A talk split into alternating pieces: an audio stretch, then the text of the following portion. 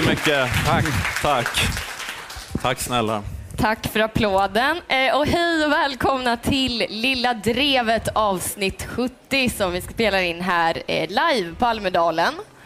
Lilla Drevet är en eh, satirpodd, brukar vi säga, om eh, nyheter, politik, kultur, lite allt möjligt smått och gott. Och vi som gör den är Jan-Anna Johansson, Liv Strömqvist här och sen våra cheerleaders eh, K. Svensson och Ola Söderholm. Hej på er också. Hej, hej. Hej, hej. Hej Nanna. Eh, och framför oss här nu, på olika sittmöbler och dylikt, så har vi en väldigt söt publik. Hej publiken. Mår ni bra?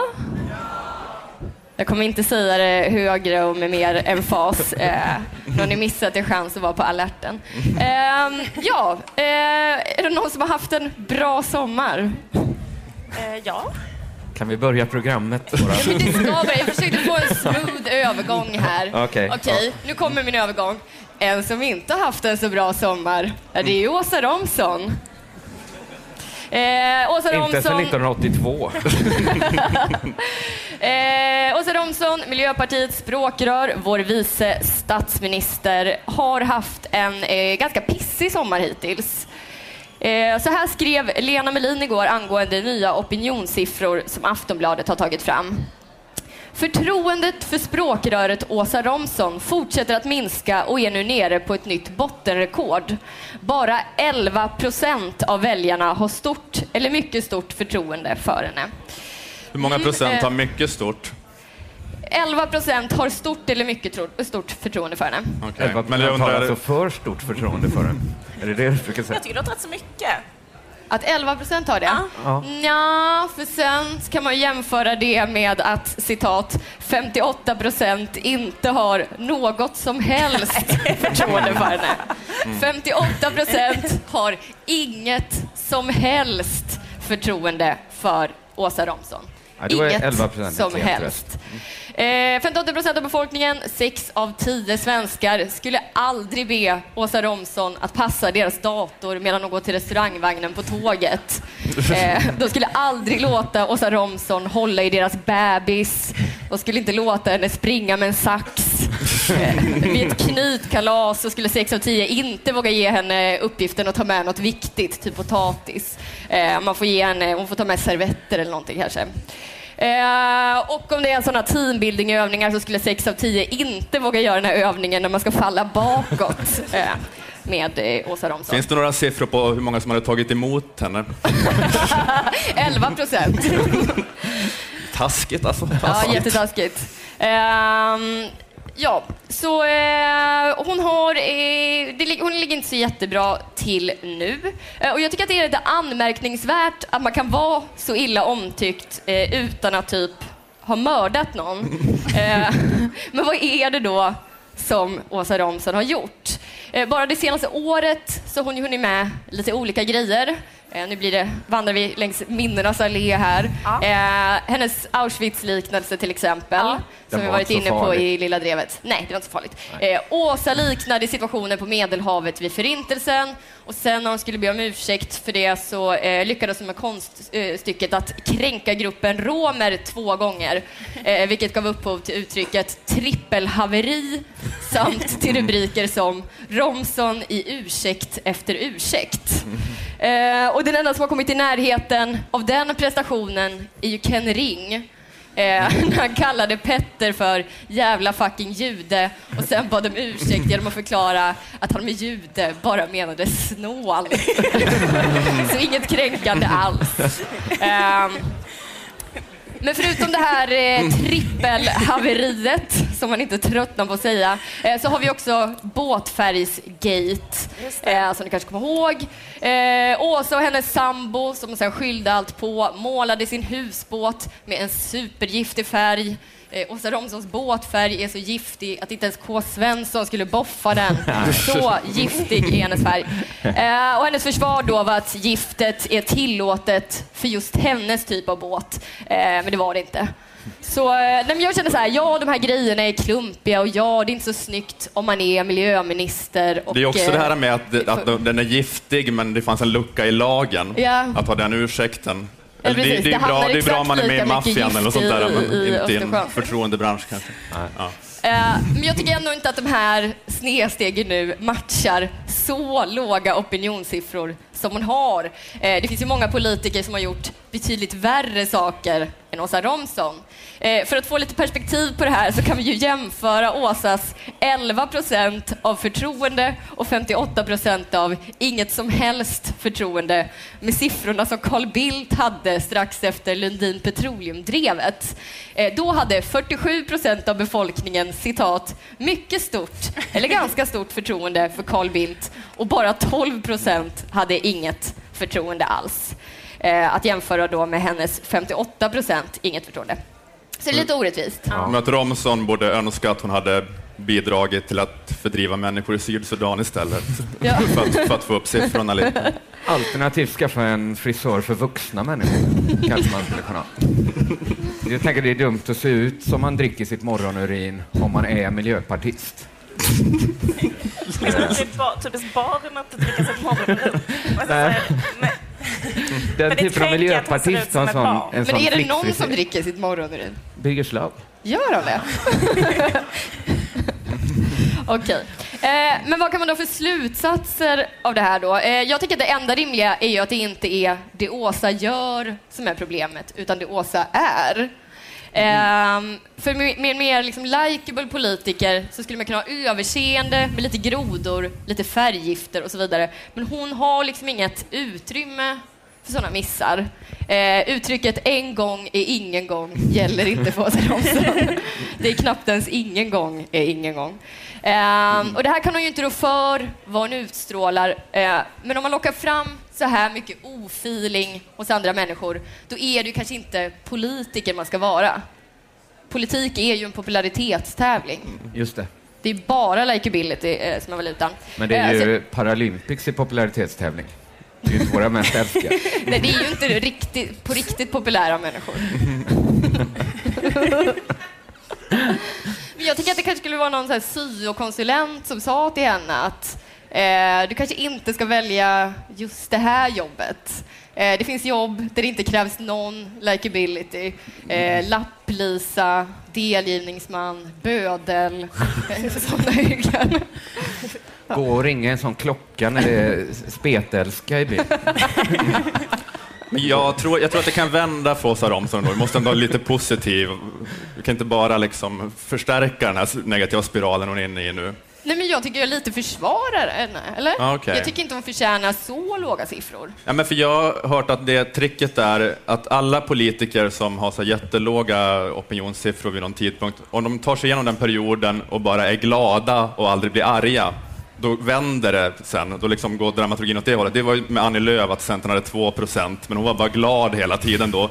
Och nu tycker folk att hon är någon slags vinnare och det är Annie Jansen och så vidare. Men Romson kanske bara måste se lite gladare ut när hon blir så, Så, här... 11 procent. Ja. Inte illa. Fast är det inte liksom precis så hon gör? Står liksom, Fyra av tio "Yeah." hatar mig inte. Ja, men hon har känts lite så här snarstucken och så när hon blir pressad om att hon har sagt Auschwitz. Då ska hon bara le och liksom säga Ja, att allt är bra, att jag älskar journalisterna trots att de mobbar henne. När de då, då, då, då, kommer de börja, då kommer de börja göra en positiv vinkel på en efterhand. När hon blev konfronterad med de här bilderna när hon står och målar båten med giftiga färger, då var liksom hennes första reaktion bara så här, eh, ni vet väl att det är copyright på de där bilderna? det är en ganska oskön sak att säga. Jag tycker hennes mediehantering är värre än Kristallnatten. det tycker jag. Eh, ja, men man kan fråga sig lite hur en person eh, som ogillas av 58 procent av svenskarna ändå har blivit liksom språkrör och minister och så vidare. Och det enda jag kan tänka är att de ville ha någon som kunde väga upp för Gustaf Fridolins låga likability. Att det var liksom så här, hur ska vi kunna liksom ta lite fokus från den här lillgamla Kalles Kaviar-killen? Och då gick Åsa Romson förbi i korridoren och ja, resten är historia. Ja. Så Gustav Fridolin är som en sån tjej som bara har fula väninnor? Ja. Aha, ja. Sån tjej. Ja, det var allt jag hade om Åsa Romson. Okej, ska vi köra en stinger då? Nu kör vi Stinger. Hej vad det går.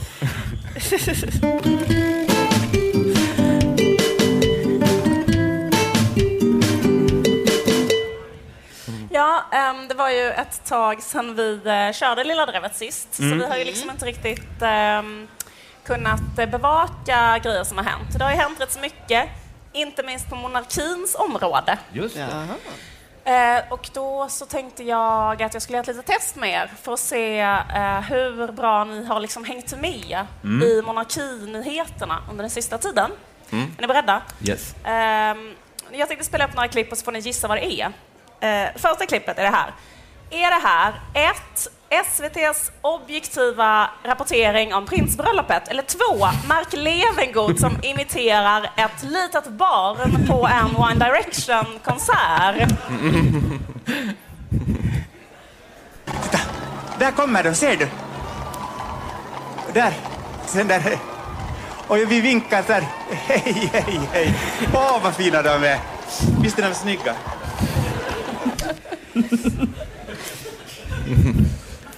Det kändes som en ledande fråga. Ja. Ehm, vad, vi kan ta en till. Eh, eh, vad, vad, vad pratas det om i det här klippet? Eh, är det... Ja, oj, förlåt. Oj. Är det ett, någon som pratar om prinsessan Madeleines nyfödda son, eller är det två, någon som berättar om när hon träffade rapparen Timbuktu? Eh, och han vägde 3080 gram och var 49 centimeter lång, eller är 49 centimeter lång fortfarande. Kung Ja, skit i det här, förlåt. Det är, det är starkt, starkt liv. Starkt klipp. Starkt. Eh, Men eh, vi kan ta det allra sista. Eh, Du ska, du ska ha Leif Pagrotsky som referens när det är politikerveckan. Men jag var så jävla trött på ha Leif Pagrotsky som referens. Och den här var också trött. Men det var liksom ändå... Jag tänkte att det kopplar tillbaka... Du hade något kränk av Timbuktu på vårt allra första Allra första. avsnitt. Så det blir lite så här hjärtevärmande 70 avsnitt senare så retar vi en för henne kort Precis. en gång till. Eh, Okej, då tar vi det sista klippet. Vad pratas det om här? Är det ett, bröllopsmenyn eller två, om Camilla Henemark? Kungen hade sagt att det var något av det vackraste han hade ätit.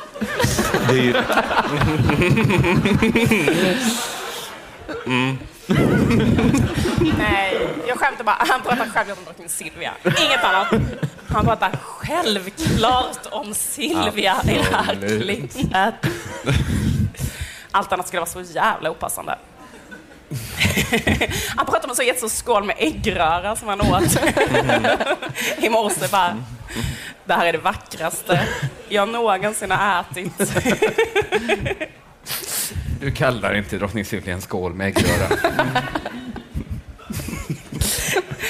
Nej, men eh, det har varit en eh, spännande tid, det här eh, monarki, liksom, det har varit så himla mycket monarkinyheter. Ehm, och det är ju liksom alltid samma sak som händer när de liksom gifter sig eller skaffar barn eller så.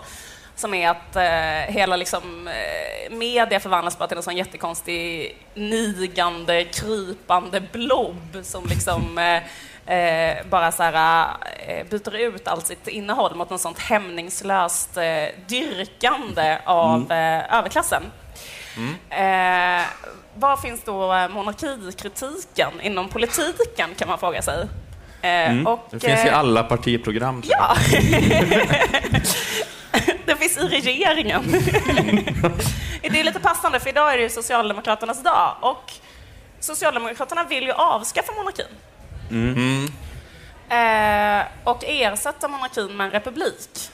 Eh, det står så här i deras partiprogram. Eh, den demokratiska processen och samhällsförvaltningen måste bygga på offentlighet och insyn och på klara och rättvisa spelregler. Politiska uppdrag och tjänster inom offentlig förvaltning måste stå öppna på lika villkor för alla medborgare och som en konsekvens av dessa generella krav på samhällsförvaltningen förvaltningen så vill socialdemokratin också verka för att monarkins arvsprincip avskaffas och ersätts av en republik där statschefen direkt eller indirekt väljs av folket. Eh, eller fattar jag rätt nu att det är så här, det de vill är bara att man ska ha en kungafamilj fast den som väljs? Som helst. Jag tror de menar president då. Ja. Det är inte att de ska välja en mamma och en pappa och tre barn i en sån popularitetstävling från svenska folket.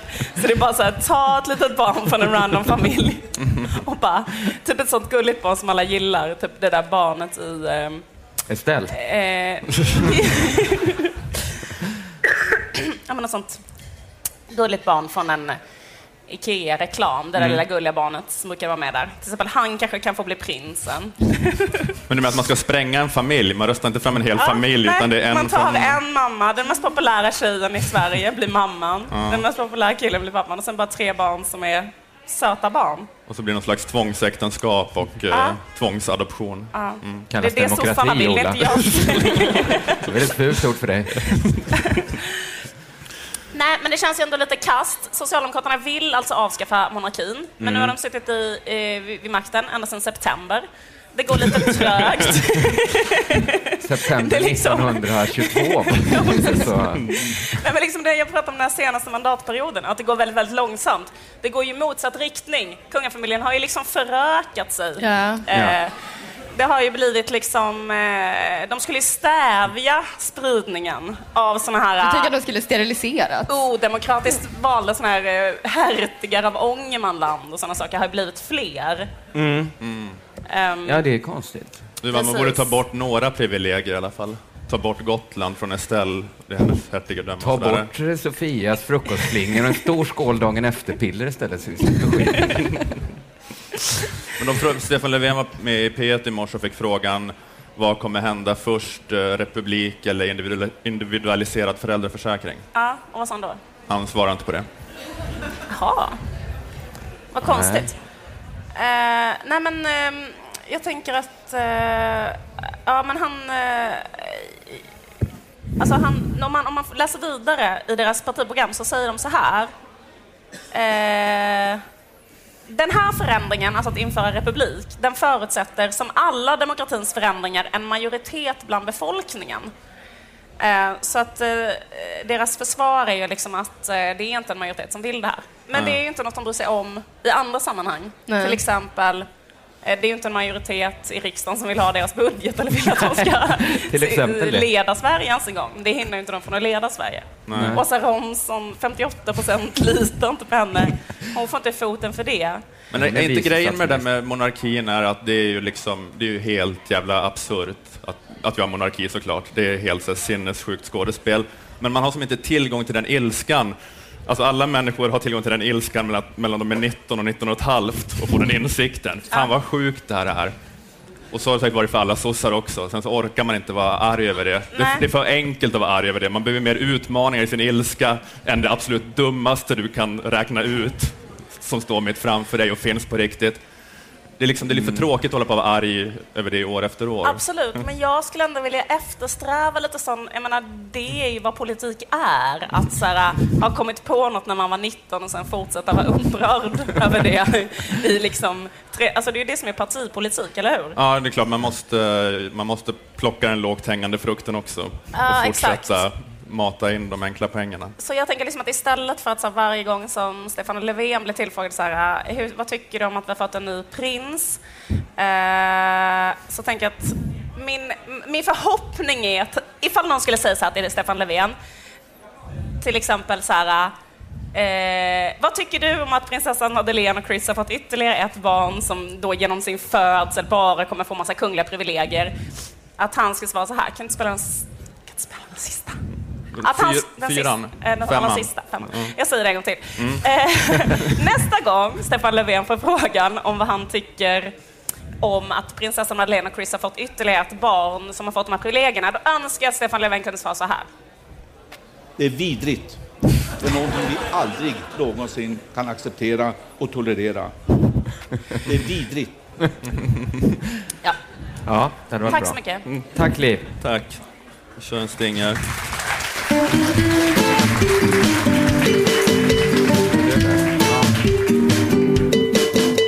Jag funderar på om vi kan vi höja vår medhörning lite, eller? Jag hade lite svårt att höra sen när Livs eh, klipp spelades här.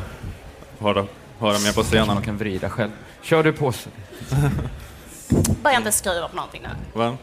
Börjar pappa skruva på tvn.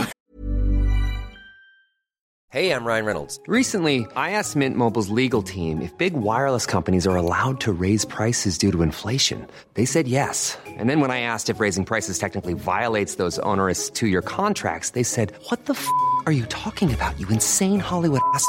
F- So to recap, we're cutting the price of Mint Unlimited from $30 a month to just $15 a month. Give it a try at mintmobile.com slash switch. $45 upfront for three months plus taxes and fees. Promo rate for new customers for limited time. Unlimited more than 40 gigabytes per month. Slows. Full terms at mintmobile.com. Bilden Så. försvinner. Jag gör det bättre, Liv. Är det kringlarna fram och vrider på högtalare här?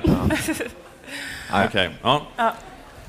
Eh, ja, det är då som sagt Socialdemokraternas dag idag. Socialdemokraterna, eller Framtidspartiet som ingen kallar dem. Eh, Men de har ju den ambitionen. Det står på deras affischer. Stefan Löfven har faktiskt själv sagt citat, vi tror på framtiden, slutcitat. Ord och inga visor. Eh, Socialdemokraterna ska vara partiet som lägger framtidens förslag, skapar folkhemmet 2.0. Ni känner kanske till vad som är huvudnumret i Socialdemokraternas framtidssatsning? Nej? Det, det här stora löftet som lanserades i valrörelsen, det var ju då att sossarna lovar att Sverige år 2020 ska ha EUs lägsta arbetslöshet. Just det, det har jag hört. Eh, Och jag har egentligen inga problem med det här löftet, förutom att jag tycker att det är en förolämpning mot arbetarrörelsens ideal och också att det är en förolämpning mot all form av intelligens. Det är väl egentligen bara de två invändningarna jag har. Varför det? Ja, man blir nyfiken nu. Eh, Ja, men eh, vi kan lyssna på ett klipp här. Vi kan börja med den första invändningen. Stefan Löfven tog upp det här löftet igen i sitt tal under partikongressen i Västerås eh, här för några veckor sedan. EUs lägsta arbetslöshet är ett stort mål, ja. Men vi brukar inte ha små mål i socialdemokratin. Eh, nej, men det är möjligt att Socialdemokraterna inte brukar ha små mål, men en annan sak arbetarrörelsen inte brukar göra, det är väl att ställa nationer mot varandra.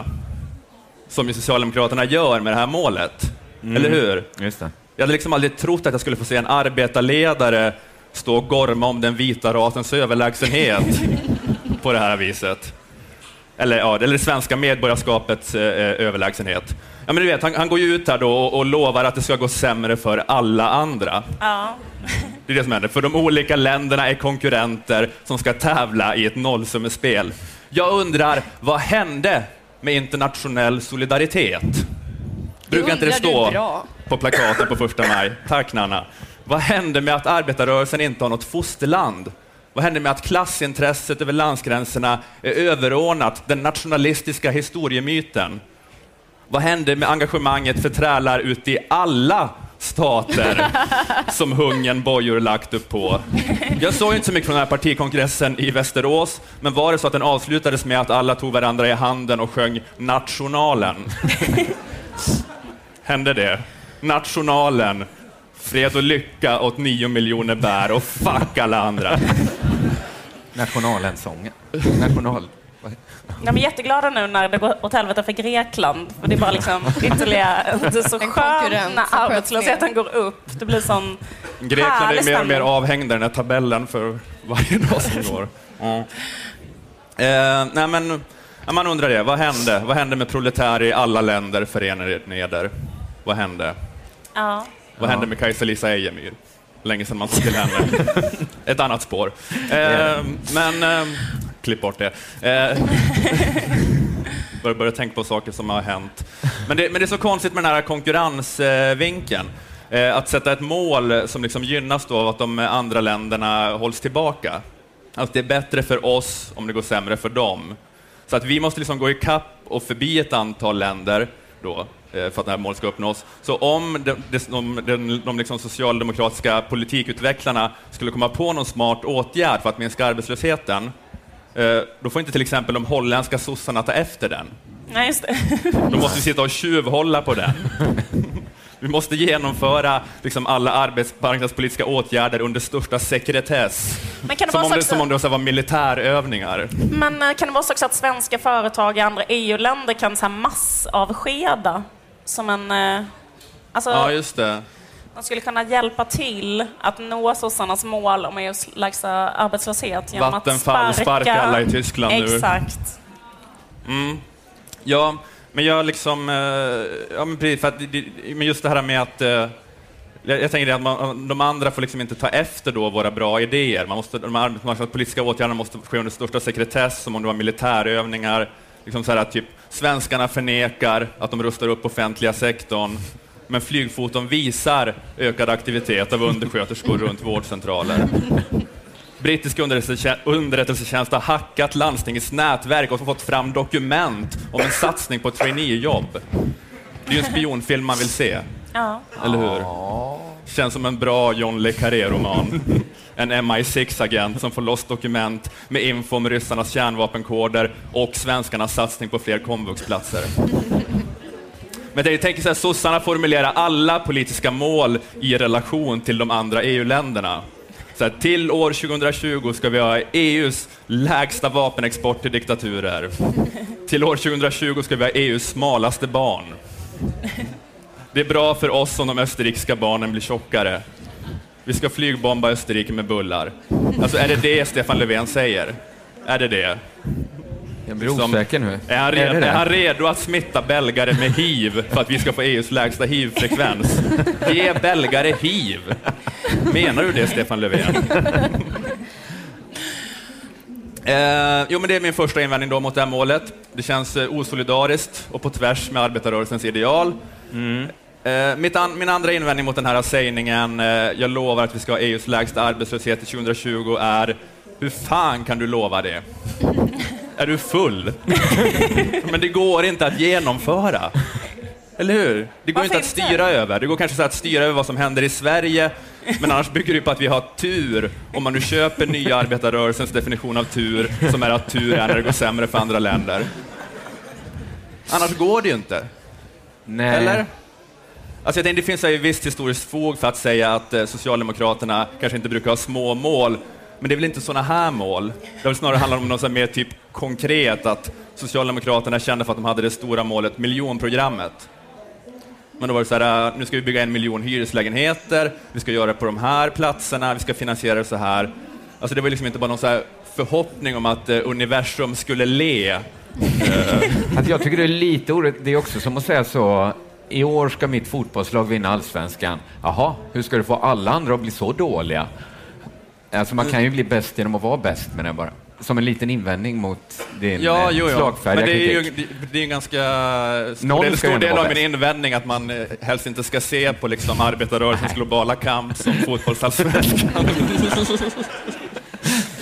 Men eh, jag, jag fattar inte. det. Vi, det- det känns bara så jävla dumt. Vi ska ha EUs lägsta arbetslöshet 2020. Liksom, vad, är det, vad är det för jävla grej att häva ur sig? Det är någon jävla Berlusconi-löfte. Jag vänder mig sig emot att Stefan Löfven ska, ska skriva in det här i någon sån här tradition. Jag tycker inte att det är ett Tage Erlander-löfte, jag tycker att det är ett Berlusconi-löfte. Det är, så, det är mer så, om du är med i en presidentvalsdebatt i Rai Uno och du står och debatterar mot Beppe Grillo, en före detta porrstjärna och något av Mussolinis barnbarn. Då, jättebra grej att dra ur röven. Vi ska ha EUs lägsta arbetslöshet 2020. Annars inte så bra. Nej. Ja, det var mina invändningar.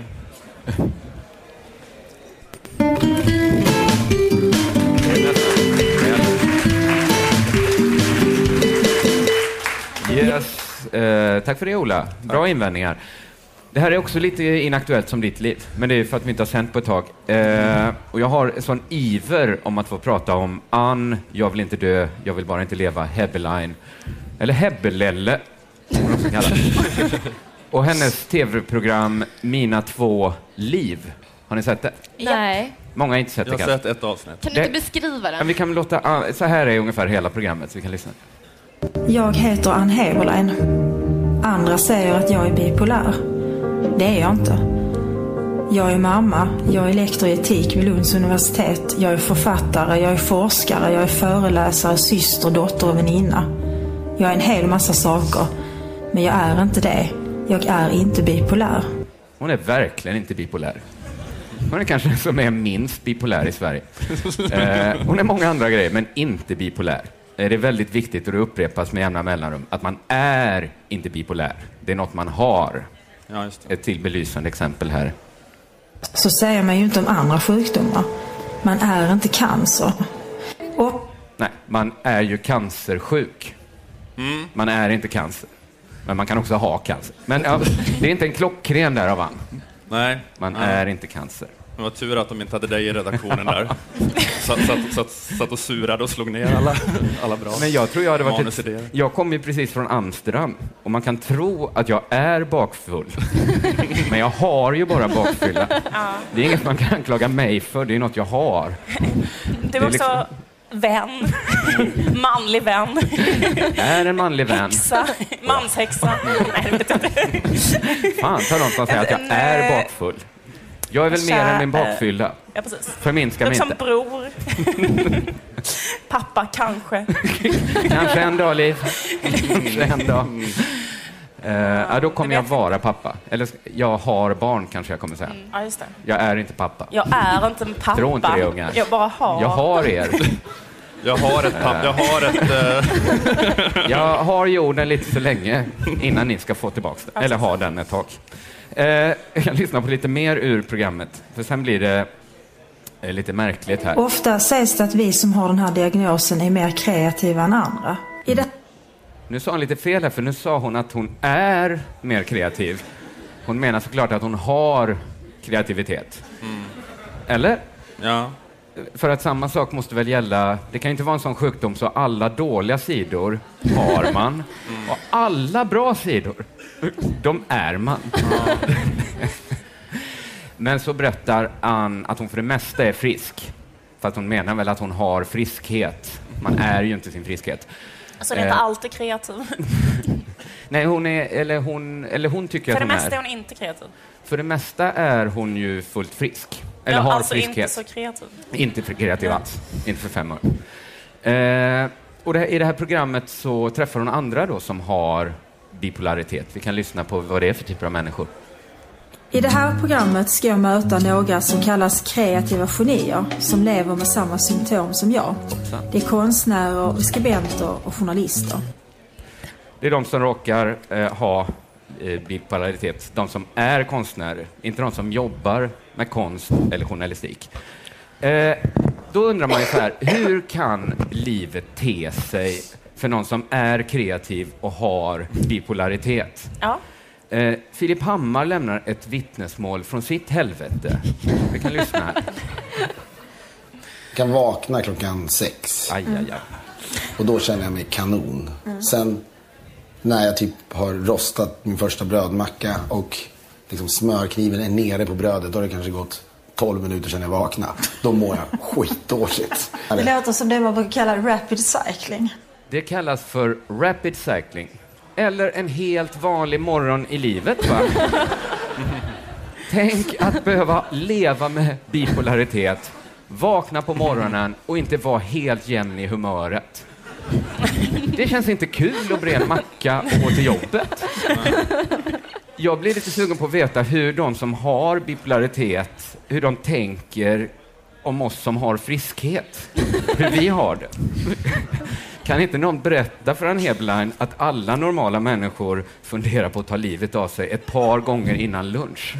Att det, är, det är att ha normalitet. Ja, ja. Program, jag har bara sett ett För all program.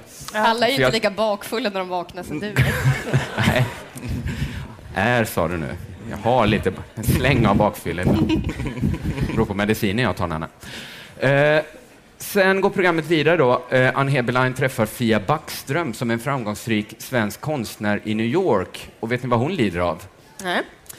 Den här sjukdomen att ibland vara superglad och göra massa konst. Men tror ni inte att hon blir ledsen mellan varven ändå? Hon blir lite nere. Hon lider av att inte vara glad hela tiden.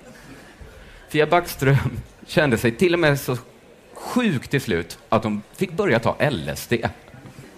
Så jag tog LSD och då var det ganska så här behagligt. Världen började igen bli lite så här småsnurrig och eh, tankarna började sprätta runt i hjärnan. Jag började också ta ut mina idéer, skriva på väggarna och liksom klistra upp bilder och textstycken och allt möjligt och filma jättemycket och fotografera. Det börjar bra, sen blev det ändå rörigt. Och man vet inte, är det den här lömska bipolariteten eller är det all syra hon har tagit? Vad är det som ställt till det för Fia Backström den här gången? Kan det vara den hallucinogena drogen LSD? Man vet inte. Eh, Vill någon här leva i en värld där svenska New York-konstnärer inte kan proppa i sig syra, fota och skriva på väggarna och sen upptäcka att det inte bara är bra för Man blir lite ledsen sen. Man blir lite ledsen. Vad är det för konstig medalj du har där? Den har ju en baksida. Det var en konstig medalj tycker jag. Men Vad är det, är det- för är det- konstig medalj? Det var Men märkligt. hon eh, hade ju bipolaritet, det har invända som har sett programmet också. Filip Hammar, Hon var inte Men- bipolär, men hon Va? hade. Hon hade ja. Det är sant. Men, Eh, eh, vad- är din poäng att eh, bipolaritet bara är självömkande kulturarbetare? ja, det kan man säga. Eh, Jag lyckligtvis... tror att, ja, jag vet inte. ja, Men det, ja, men det får stå för dig. gärna. Lyckligtvis har Fia eh, Bäckström lyckats bli fri från sina mediciner nu. Och då tänker ni kanske, hur mycket LSD tog hon för att bli fri från psykoser och bipolaritet? Vad var mirakelkuren som fick henne lite mer jämn i humöret? Mm. Vilken är vi på nu? Eh, sjuan. Hon började också leva hälsosamt, blev vegetarian, tränade, sov ordentligt och drog ner på alkohol och slutade med kaffe.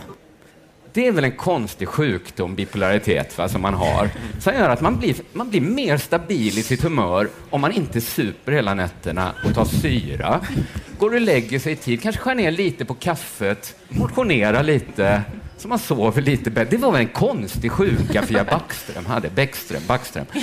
Tog, Eh. tog hon inte också litium? Ja, men det har vi trappat ner på nu med den här mirakelkuren. Eh, lev ett anständigt liv, ta Ja, det- hand det är om dig. Anständigt liv eller litium. Men det kanske inte är bipolaritet hon. Hon kanske var allergisk. Hon kanske hade allergi mot kul. Det kanske var det hon hade. Eller hon är inte allergisk mot kul. Men hon har allergin mot roliga saker. Jag kanske också har den sjukdomen. För jag trodde ju att jag hade fått eh, den här bakfyllan av att vara i Amsterdam. Men det kanske är bipolaritet jag har fått, som jag har nu då. Att först var allt jätte, jätteroligt i Amsterdam. Och sen när jag vaknade i morse, vet ni, då var det inte kul längre.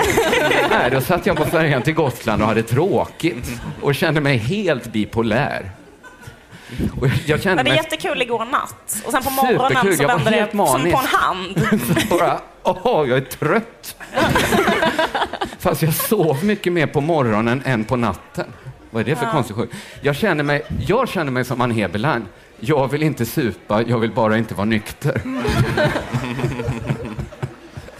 Den konstiga sjukdomen har jag fått. Aj, aj, aj. Kommer den sättas upp med Melinda Kinnaman på Dramaten i höst? På Jag hoppas Svenssons det. Jag vill inte supa. Jag vill bara inte vara nykter. Härligt. Se fram Kanske emot får bli det. Joel Kinnaman som tar den.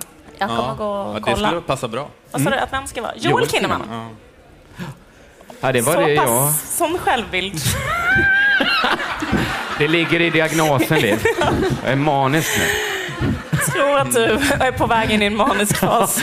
Jag känner ett skov är på gång. Ja. Ska ta en stärkelse Bara, om jag ska säga någon jag är lik, då är det Joel Kinnaman. Ta en lång... Får se om någon läkare kan skriva ut en riktigt Finns lång det en läkare promenad. här inne? Finns det en läkare här inne som kan säga till Kringlan att han ska gå en lång Skriv promenad? ut regelbundna måltider åt mig fort, så jag får något i mig.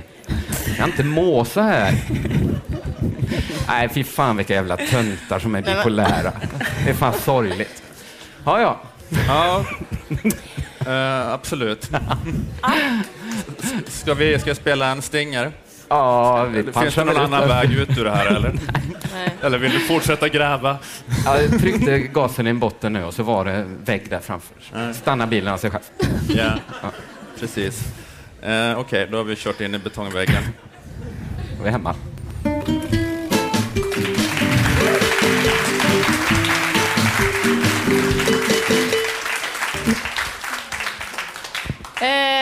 Allt vi hade, va? Var det. Tack alla ni som kom och lyssnade idag och tack till alla som lyssnar på det här i efterhand. Eh, vi kommer att köra igen imorgon. Var då Mm. någonstans, Ola? Eh, hos Akademikernas A-kassa som håller till på kårhuset Rindi klockan 13 imorgon. Så då kan ni komma och vara publik då också. Just det. Nej. Vad viskar Nej, inget. inget. Okej. Vi tackar Snacka för om dig bara. Ja. en liten, liten grej om dina kläder. Ja, men jag tror inte hon har någon aning om det, Liv. Vad sa du? Hon har ingen aning om det. Okej, okej. Bra. Mm. Då ska vi tacka för oss. Ja. Då tackar vi för oss. Och Aftonbladet Kultur som är med och gör podden, va? Jajamän. Ja. Puss och kram. Tack för en Tack, kram. tack.